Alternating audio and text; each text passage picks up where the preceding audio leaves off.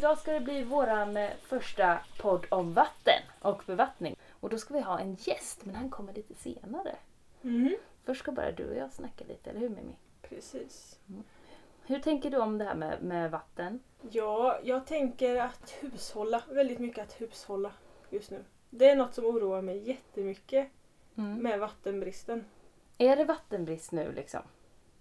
Vi har vatten när vi vrider på kranen just nu.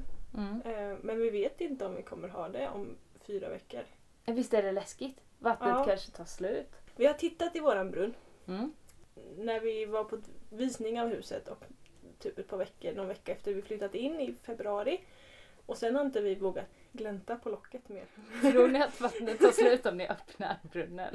Nej, men det är väl mer så att man vill, man vill inte veta att det har sjunkit.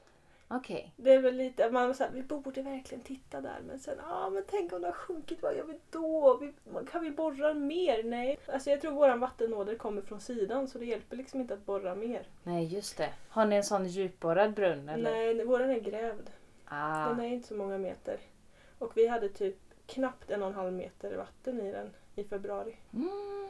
Det är inte så mycket. Nej, det är inte så Det är inte så mycket. mycket. Brorsan hade drygt två meter men deras har stigit när de Mm. har använt vattnet. Just det. Så har det liksom stigit så förhoppningsvis har våran det. Men, men vi vet inte så vi vågar inte titta. Vi ska. vi ska. Tänk om ni tittar och så har det liksom stigit också. Sen kanske vi har tre meter vatten och då är det ju ganska lugnt. Ja. För tillfället i alla fall. Ja, Det är, det är en sån här väldigt onödig oro du ja bär jag på. vet. Så så är det. Men jag tänker väldigt mycket kring att hushålla med vattnet. Vi samlar ju regnvatten för fulla muggar nu kan vi säga. Nu när det äntligen har kommit lite regn så kommer det skitmycket regn. Mm. Vi har ju ett par kubiktankar och ett par regntunnor och de är fulla.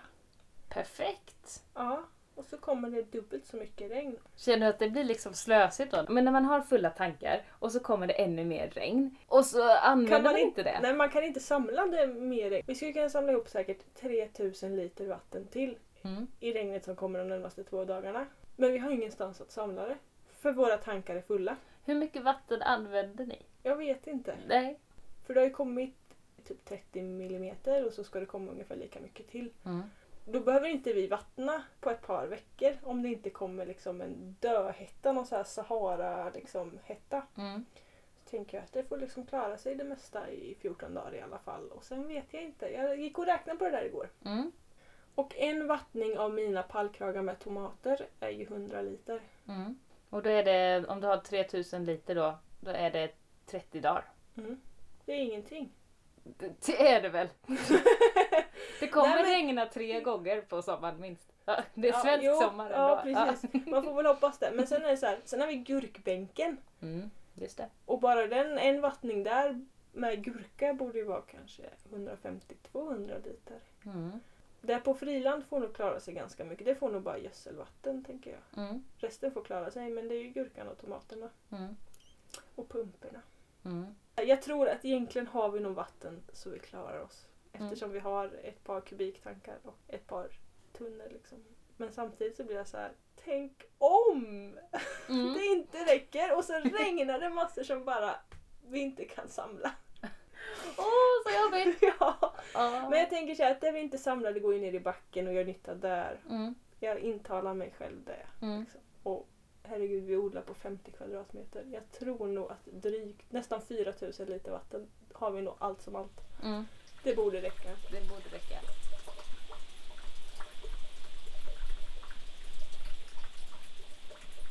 Innan jag började så mycket med täckodlingen så vattnade jag ju jätte, jätte, jättemycket.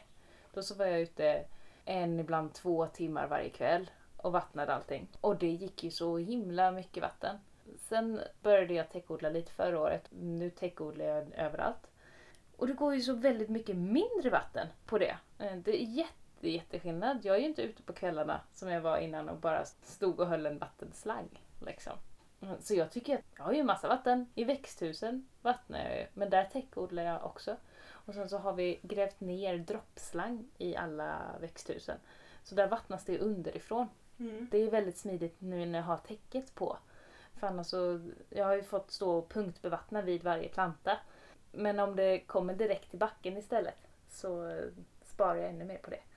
Så det är alltid fuktigt i marken i växthusen och det var det inte innan jag började täcka i växthusen. Så det var ju de jag började täcka först. Jag kommer ju pumpbevattna i år. Mm. Vi kommer inte bygga någon bevattningssystem och sånt i år. Vi bygger ett system för att samla regnvatten Mm. och sen så vattnar vi med kannor och pumpbevattnar.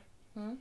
Men tids nog, kanske när jag har fått upp mitt växthus så, så är tanken att liksom lägga ner sådana droppslang i med. Mm. Om inte i jorden så är definitivt under ett rejält lager med täcke. Ja. Vi hade droppslang uppe på jorden Mm. för första åren. Och jag blev så arg på droppslang. Jag tänkte jag kommer aldrig ha droppslang. Det är det sämsta med droppslang.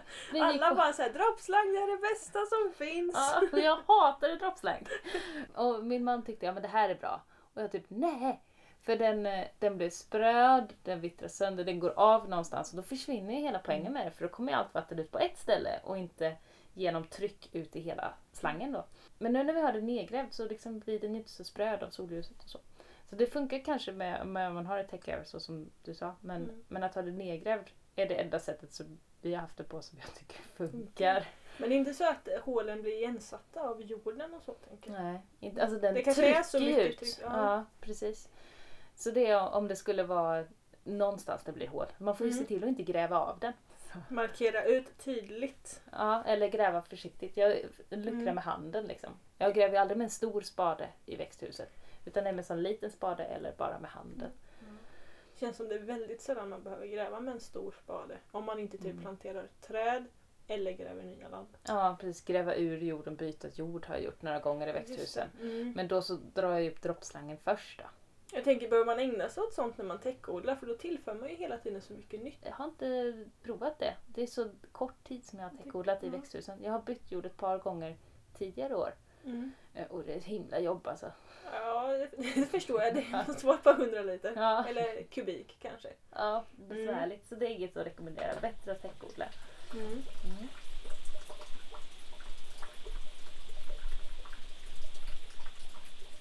Men vi har ju ett bevattningssystem här i Tokar som eh, min man har byggt. Så vattnets väg är så här hemma hos oss. Att det, det trillar ner i, i våran damm förhoppningsvis. När dammen blir fylld åker det ner eh, av tyngdlagen ner till våra tankar. Så istället för att ha liksom tunnor och sånt vid stuprören som vi har så Mm. har ni liksom er stora damm som regnvattnet samlas i. Ja, och sen så har vi ju några tunnor också, fast väldigt små vid hängrännorna. För att jag och barnen tycker att det är så himla kul att springa med vatten. ja, Så då springer vi runt med våra femliters hinkar, eller barnen har ju sina enliters hinkar Mm. i stora gummistövlar och häller i vattnet i dammen. Det är liksom, Mm. vattnet ska till dammen, det är Mm. målet. Mm. Tar man ett varv runt huset och regnar det mycket då så hinner man ju precis ett varv runt med en femliters eller tio liters hink innan den nästa är full och så kan man springa där och hålla på någon timme. Det är faktiskt jättekul. Jag och Tia ägnar oss åt att dra med i ösregnet med regnrockar liksom. Det är jättekul! Ja, ja. Så att eh, vi har inga stora tunnor längre vid huset för att vi har en så kuperad tomt. Mm. Eh, och dammen ligger högre upp än vårt hus. Så då skulle vi ändå behöva pumpa upp vattnet från sådana här stora Mm. eh, kärl upp till dammen och sen skulle det rinna ner till kubiktankarna som också är högre upp än huset. Ja, vi hade stora kärl tidigare men det har vi inte längre utan nu har vi de här små. Och sen då från dammen åker det ner till våra två stora kubiktankar och det är därifrån våran pump tar vatten sen eh, och skickar ut till de här tre stationerna som är vid, en vid varje växthus. Och då går det ut både i droppslangarna och till en lång slang som är vid varje växthus. Eh, så jag har ju delat upp trädgården i tre delar så att de här långa slangarna ska räcka till en tredjedel av trädgården. Då. Så där kan jag ju vattna med slang om det är någonting som är nyplanterat eller något som behöver extra vatten. Eller sådär. Hur mycket vatten gör du av med? För du har ju ungefär fyra gånger så mycket odlingsyta som jag har. Mm. Oj. Ja men jag höll ju på... Tömmer du en kubiktank när du vattnar? Nej. Jag kanske tar en, en halv kubiktank. 500 Mm. liter kanske. Mm. Men nu har det ju inte varit sådär tokhett än. Då det Det- har funnits mycket som behöver mycket vatten. Det var ju tokhett för ett par veckor sedan. Mm. Men då var det ju så mycket som var så litet.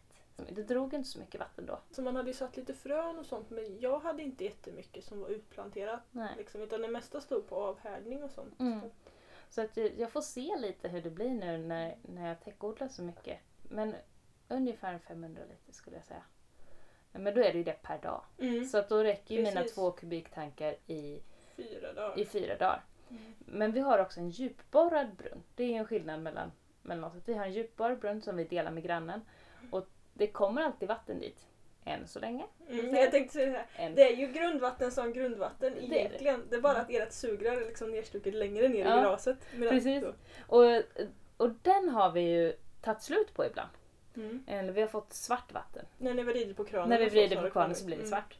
Eh, och samma händer då hos grannen. Och De blir jätteglada när ni odlar så mycket va? Vattnar då. Inte riktigt. Man måste vara extra flitig med att springa med de där vattenhinkarna när grannen sitter ute på verandan. Ja, jag förstår det. Samla regnvatten.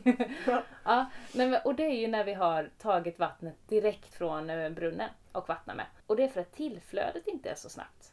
Mm. Alltså det går mycket snabbare för oss att vattna än rinna till i brunnen. Eh, Så då har min man Jon kommit på en lösning på det. Eftersom att vi har våran damm som eh, vattenreservoar så har han gjort en sån här automatisk grej så att varje timme, eller om det är varannan timme, så pumpar det ut vatten i en minut till Mm. våran damm. Och då kommer ju den fyllas på och det kommer rinna ner i tankarna. Så det pumpar ut lite hela tiden från våran brunn. Fr- Från brunnen fylls det på lite. En minut det är ju typ 30 liter. Ja, sånt där. 30 Det är ju- liter. Så, men på en dag blir det rätt mycket då. Ja, det blir det. Men vi måste ta bara lite i taget. För tar vi bara lite i taget så hinner det rinna till i vår djupborrade brunn. Och det fyller samtidigt på våra vattentankar. Så då blir det ju... Ja men det blir ju... Fruktansvärt många liter. Ja. Men är ni inte nojiga för att ändå använda liksom, dricksvatten till att vattna med? Även om det blandas upp med regnvatten så är det ju ändå en hel del dricksvatten i tankarna. Mm. Ja, det blir det.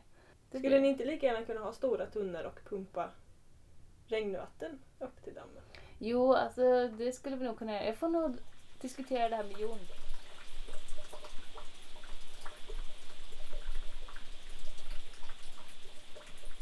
Jag är lite nyfiken på det här för jag har hört en hel del folk prata om att de ska be brandkåren komma och fylla deras pooler och sådana här saker. Ja. Brunnar i sommar. Det gör de. Ja. Ja, eh, det får du gärna fråga Jon om. Ja. Hur de resonerar kring det. Liksom. De tar bra betalt. Ja. Hur brandkåren resonerar, eller hur eh, de som beställer den tjänsten resonerar. Alltså jag är ganska intresserad av alltihop där känner Ja. jag. För för mig är det så här fruktansvärt främmande när grundvattennivåerna är låga och i grund och botten innebär det ju att liksom våran säkerhet, att livsmedelsförsörjningen och sånt är i fara. Mm. Hur i helvete kan folk ringa brandkåren för att be dem fylla på deras pooler? Ja, det är märkligt alltså. Alltså jag förstår inte det så här. Nej men ah, det är väl viktigare att bada än att käka mat. Eller? Alltså det här är något som jag går igång på. Jag blir så jävla arg. Det var, jag ska inte nämna några namn men jag hade en bekant som pratade om det här hemma. Och sen på kvällen var jag tvungen att ut och gå. En, så här, jag sprang till och med för jag hade sånt så här ångest-adrenalinpåslag över den här grejen. Va, var det din, eh, din bekanta som skulle fylla en pool? Ja, eller? han skulle ringa brandkåren och be dem fylla poolen så att barnen kunde bada där. Vad gulligt av honom. Jättegulligt, jättegulligt. Då jag bara, alltså jag kan inte ens uttala mig just då för att jag blir så himla, det bara så här, Mm. bara smäller till och jag blir så här jätteupprörd. Och så försökte jag glömma bort det där hela dagen. Men det gick bara inte och sen när jag stod och diskade när alla andra sov så bara det här, tankarna bara snurrade igång och jag bara eldade upp mig mer och mer och mer och sen var jag tvungen att gå ut och springa bara för att kunna sova. Mm, mm, För det blir en så här, alltså jag, jag fattar inte hur folk tänker. mm, Jag fattar inte de som ber om det eller betalar för det. mm, Och jag fattar inte att brandkåren gör det. Ja, men jag, jag ska fråga Jon, får vi se om han har några bra svar på det. Mm. Jag, jag sparar den frågan till... eh, Gör det. Jag förstår om de fyller på typ till bönderna för att typ mjölkkorna ska kunna dricka Mm, och sådana saker. Det, det är en sak liksom. mm, Men till så här nöjes... Alltså det är ju bara överflödig konsumtion. mm. Eh, Bidrag till kommunkassan. Ja, det är det säkert. Det, alltså, Åh, det, det är en, trevligt. en låt, ja men det finns en låt, en låtrad, en textrad i en låt som är så alla blir fattiga när domedagen är nära. Och det är så här, jag skiter i om kommunen blir en miljon rikare på grund av det här. Svälter vi så är vi fattiga ändå liksom. Ja, det är bra. Mm.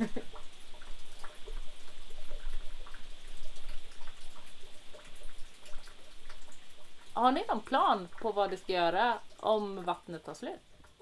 Nej, Nej, inte vi heller. vi har inte en jävla susning vad vi gör då Mm. faktiskt. Och ändå är Eller- både du och jag medvetna om det här hotet. Vattnet Mm. kan ta slut. Det kan ta slut i sommar. Mm. Så Men att, det är ju fortfarande inte bevattningsförbud här. Nej. Så det är inte tokfarligt än. Men gör ni något mer? Bortsett från täckodling och samla regnvatten. Mm. Så vi försöker utveckla ett system i vårt kök för att spara på vattnet. Och nyttja, jag kallar det för kompostvatten Mhm. nu. Ja. Det är väldigt oförfinat ja. och inte så effektivt än. vad, vad går det ut på? Det, nej, det är så här enkelt att istället för att hälla ut massa vatten som egentligen är liksom rent eller som det är matrester i. Mm. All, allt vatten som inte innehåller salt eller diskmedel eller Mm. rengöringsmedel Mm. försöker vi hälla över i dunkar Mm. istället. Mm. Och sen har jag haft i en halv tesked eller en tesked bokashi-strö i det där för jag tänker mig att det liksom är nyttigt. Istället för att få det att liksom bli ruttet och Mm. bara äckligt där i så kanske det liksom syras lite bättre. Tänkte jag. Mm. När vi har kokat pasta så gör, och potatis och sånt så kokar vi utan salt. Mm. Vi liksom häller av pastan eller potatisen i en, eh, en stor tillbringare, liksom, en Mm. rostfri tillbringare. Och sen häller vi, när det har svalnat häller vi över det i de här dunkarna. Aha. Och likadant när man sköljer ur kaffekoppar och, och sköljer frukt. Eller liksom när man typ har fyllt upp en kastrull liksom och öst i disken där i Mm. liksom bara för att lägga till blöt. Så häller vi över det vattnet också i dunkar och Just det. sånt där. Och sen får det liksom stå och gotta sig ett tag och sen tänkte jag att jag vattnar med det. Mm. Ja. Så blir det ju liksom kompostvatten. ja. Ja men det låter ju jättesmart. Det är ganska mycket vatten. För Mm. att vi kanske häller över liksom en tiondel eller 15 procent eller något sånt där av det vi använder Mm. per dag tror jag. Och vi får ju lätt ihop 10 liter om dagen om vi vill. Liksom. Ja det kan jag tro. Och bara det här med att liksom stå och spola vatten tills det blir varmt eller tills det blir kallt. Eller... Precis, det försöker jag göra det över en sån här tillbringare så jag kan hälla över det i dunkarna sen. Ja. För att det känns så sjukt slösaktigt så det finns inte. Liksom. Ja. ja. Eh, Men vi får väl se lite vad... Det blir ju ganska mycket så här mjölkrester när man sköljer ur mjölkpaket och fripaket och sånt där. Eh, Så jag vet inte om det kommer lukta skitäckligt och surt. Får vattna med den varje kväll liksom. Tömma den varje kväll. Ja, Ner i gurklådan bara. precis. Gräva ett litet hål eller så. Här. Vi får nog sätta ner trattar eller så här petflaskor som man ska skurit botten av och trycka Mm. ner så man får ner det i jorden så det inte ligger på ytan och surnar och möglar. Och sånt. Ja just det. Ja. Det ju smart. Mm. Mm. Nej det har jag inte testat här hemma. Det kanske man får börja med. Det enda vi har som vi gör här hemma det är att vi samlar kiss höll jag på att säga. Så Mm. istället för att spola på toaletten samlar vi det i dunkar. Samlar Som- ni allas kiss? Vi har ju börjat med det mer nu. Innan Mm. var det bara Frej som, Mm. som går på potta. Liksom. Det är det första steget är barnens kiss. Ja, Sen precis. kommer man sakta över till Ja. vuxenkisset. Ja, och sen så har eh, ja, herrarna i, i familjen har ju lite lättare för det än oss kvinnor. Eh, Mm. Men eh, ja, mer och mer i alla fall samlar vi det. Och då sparar man ju liksom vatten på att inte spola på toaletten. Mm. Vi kör faktiskt det att vi spolar typ var femte gång på toaletten eller något om man Mm. bara kissar liksom. Mm. Så är det så här när man ser att det börjar samlas så mycket papper i toaletten att man börjar bli nojig över att det ska bli stopp i rören. Ja. Den personen får spola. Ja, Så. Ja, men faktiskt. Ja, och sen bra. samlar vi också kiss från barnen. Och jag kissar ibland i hink ute. Mm. Liksom. För det är också det att spara på vatten. Liksom. Mm. Men nu kommer vår lilla katt här. Mm. Hej Yang. Vill också vara med och prata Mm. om vatten. Han gillar inte vatten. Det kan jag förstå. Mm. Jag är kil i alla fall. Ja. Mm. Eh, Men annars gör vi inget särskilt sådär för att minska vårt vardagsvatten än så länge. Det, jag tycker det är lite svårt med för man, har ju, man är ju så invand i hur man förbrukar vatten. Liksom. Ja, det är besvärligt. Mm. Ja, värst av Mm. allt är diskvatten och sköljvatten och det där Mm. som man spolar. Typ. Där barnen liksom låter vattnet rinna för att ta ett glas kallt vatten. Mm. Och sen dricker de tre klunkar och häller ut resten. Alltså Ja. det, är, det är nästan som folk som ber brandkåren fylla på deras bassänger. nästan!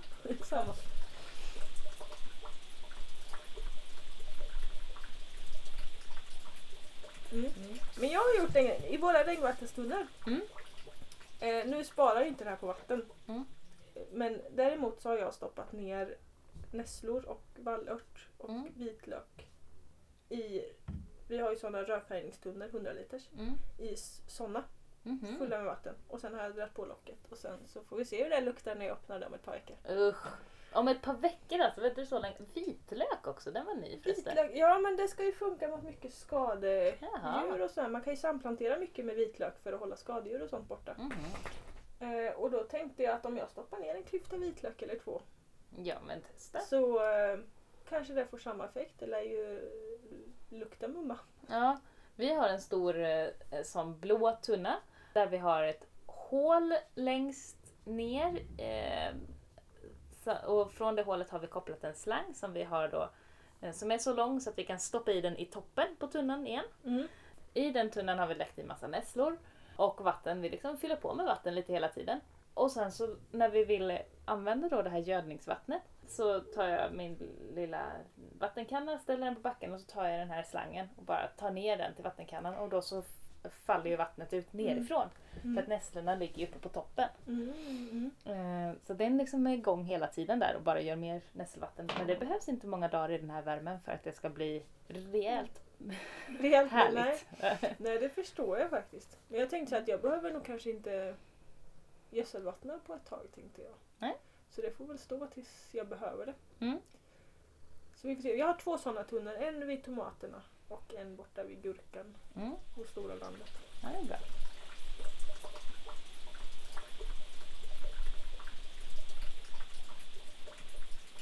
Mm. Det har ju varit lite inne nu med det här med krisberedskap och det är inte bara vatten som man tänker på då. Det är andra saker också. Att om det händer en kris, vad det nu kan vara för kris, jag vet Mm. inte vad man tänker på för kris, men när det blir en kris då så ska ju alla klara sig i tre dygn. 72 Mm. timmar ska man klara sig utan hjälp från samhället. Mm. Och då är det ju massa vatten då, men också radio på batterier och det är mat och det är Elektricitet Ja. om man nu måste ha det. någon form av värme. Mm, Liksom. precis, man ska hålla sig varm, torr och mätt. Och Varm, hel. varm torr, hel och mätt Mm. och kunna, kunna få någon form av information från omvärlden. Mm. Har du tänkt någonting på det? Eller är det mest vattnet? Nej, jag tänker på det där hela tiden faktiskt. Ett tag så var jag ganska så här, gud vi måste köpa en radio på batteri, vi måste köpa en radio på batteri. Och sen, det går lite i vågor liksom sådär. Jag blir lite fixerad vid saker emellanåt. Och sen, Mm. så, ja. Men jag tror att hela den här grejen om att vilja odla och sånt handlar i grund och botten mycket om att vara oberoende och om resten av samhället kollapsar eller det blir en kris. Jag tror att många tänker typ så här terrorattacker eller att liksom eh, s- någon av kärnkraftverken eh, liksom blir utslagna och sådana där saker. Mm. Ja, ekonomisk kollaps eller vad tusan som helst. Liksom. Mm. Allt kan ju hända. Mm. Och då är det ju, är man självhushållande så kan man liksom klara sig. Mm. Alltså vi, har, vi kan elda med ved. Mm. Vi kan hålla oss varma och vi kan laga mat med ved. För Mm. vi har både den utrustningen i vårt hus och vi har liksom det omkring oss. Mm. Och vi kan odla vår mat. Mm. Vi, vi överlever nog. Mm. Lite längre. Vi överlever lite längre. Ja, Mm. jag vet vi pratade om det här en gång. Mm.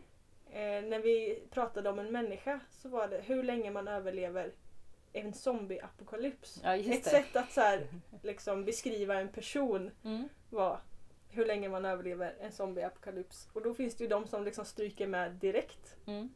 De som skulle klara en dag eller två och de som liksom kan leva. Och- I apokalypsen. Ja, och ju mer självhushållande du är desto längre överlever du en sån. Mm. Sen är vi också då i det här scenariot zombieapokalypsen. Ja, Mm. Eh, då är vi ju väldigt bofasta i det. Alltså vi kan ju Ja. inte fly zombisarna. Kommer zombisarna och invaderar oss, ja, Ja, då är då, vi... då, är, då är vi lite körda. För att vi, vi, Mm. ju liksom, vi klarar oss länge på de platser där vi har bosatt oss. Mm. ja, här på höglandet. Då. Och där har vi också ett nätverk liksom, med, med andra man kan ta hjälp av. Men om man skulle behöva fly, fly landet, liksom, Mm. då är det värre. Då, Då- är vi mer på samma nivå som alla andra. Ja, fast vi skulle nog överleva ett par dagar i alla fall. För jag Ja. tänker att de, det finns alltid människor som kan mindre. Jag vet. Som zombisarna äter först. Precis.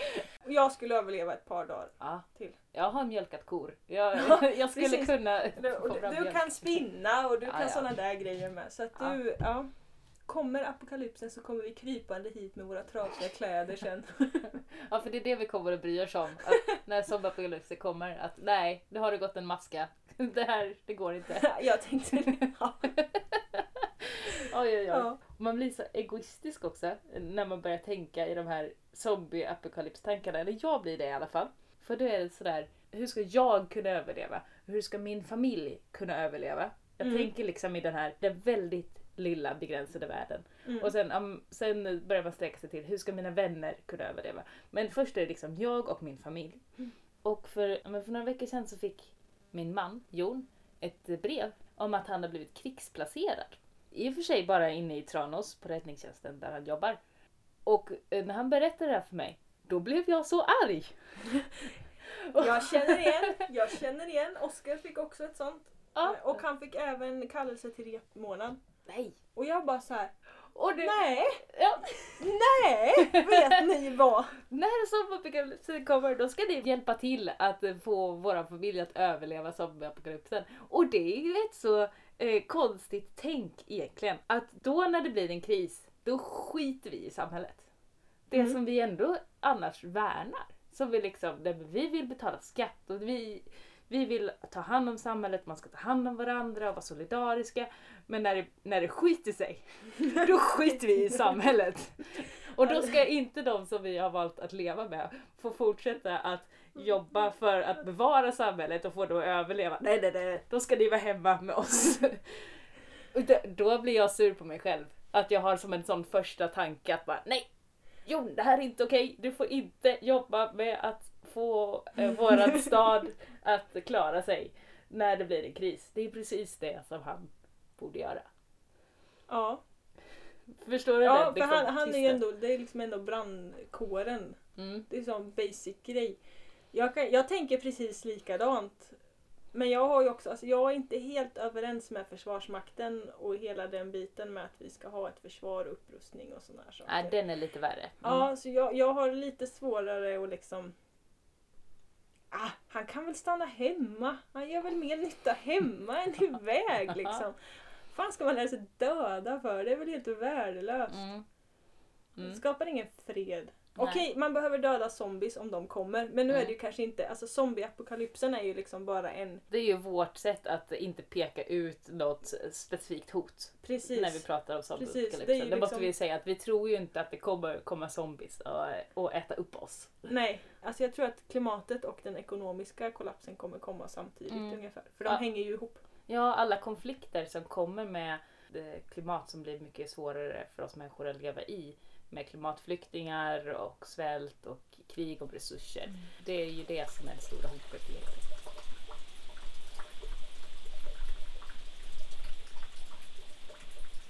Har du någon krislåda?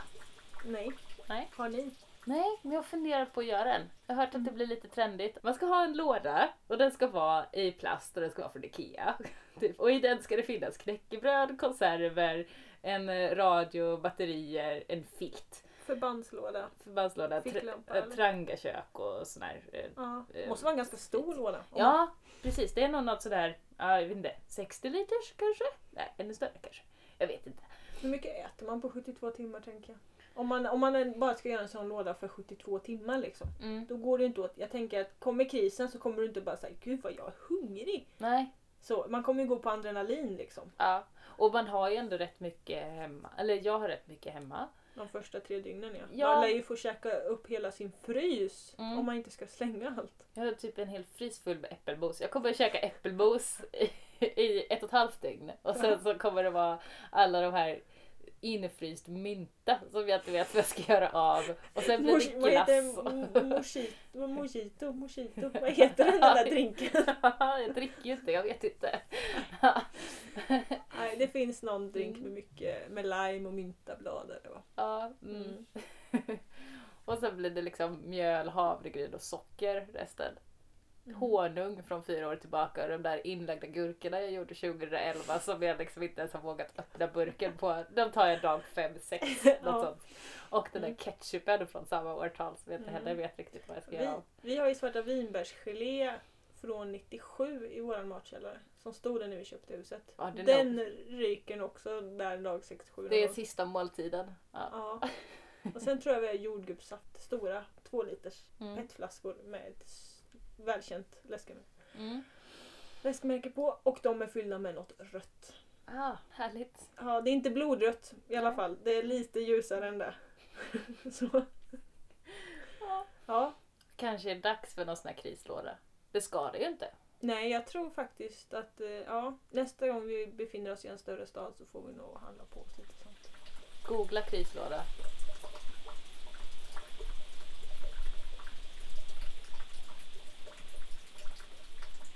Jag är ju rätt säker på att när krisen kommer, då kommer jag och barnen få klara oss själva i alla fall. För att då Vi kommer får flytta hem till oss. Ja, det får vi göra. Mm. Det får vi göra. Vi får ta med broccolin. Ja, ta, ta med alla planter du kan liksom. Ja. så mycket mat du kan så får du komma hem till oss. Precis. För det, Mm. det känns som att då kommer Jon bli inkallad, vare sig han vill eller inte. Mm.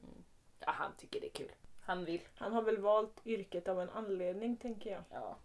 Det är ju inte för att han vill sitta liksom bakom en dataskärm och inte veta om alla, Nej. allt skit som händer i samhället. Nej, precis. Det ska bli spännande att eh, snacka lite om vatten och krisberedskap med honom sen. När vi får möjlighet till det. Mm. Mm. Men eh, ska vi avsluta med våra tips kring vatten och bevattning och odling? Mina tips är ju då att eh, när jag väl planterar ut någonting så tar jag häller massa vatten i själva hålet. Eh, där jag ska plantera ner eh, min planta.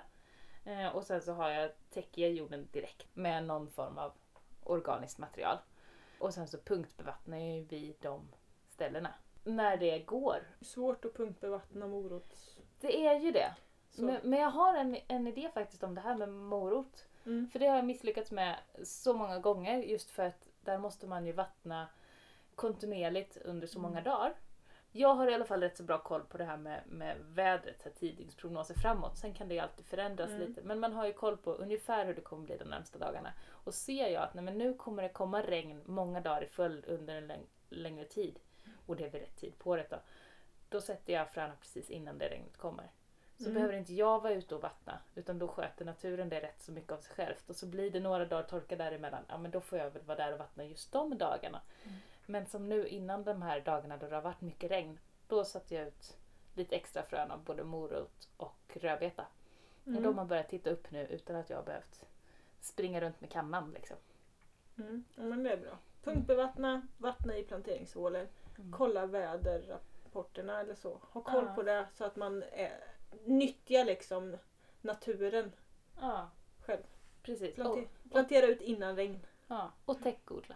Mm. Både i växthus och på friland så mycket det bara går. Mm.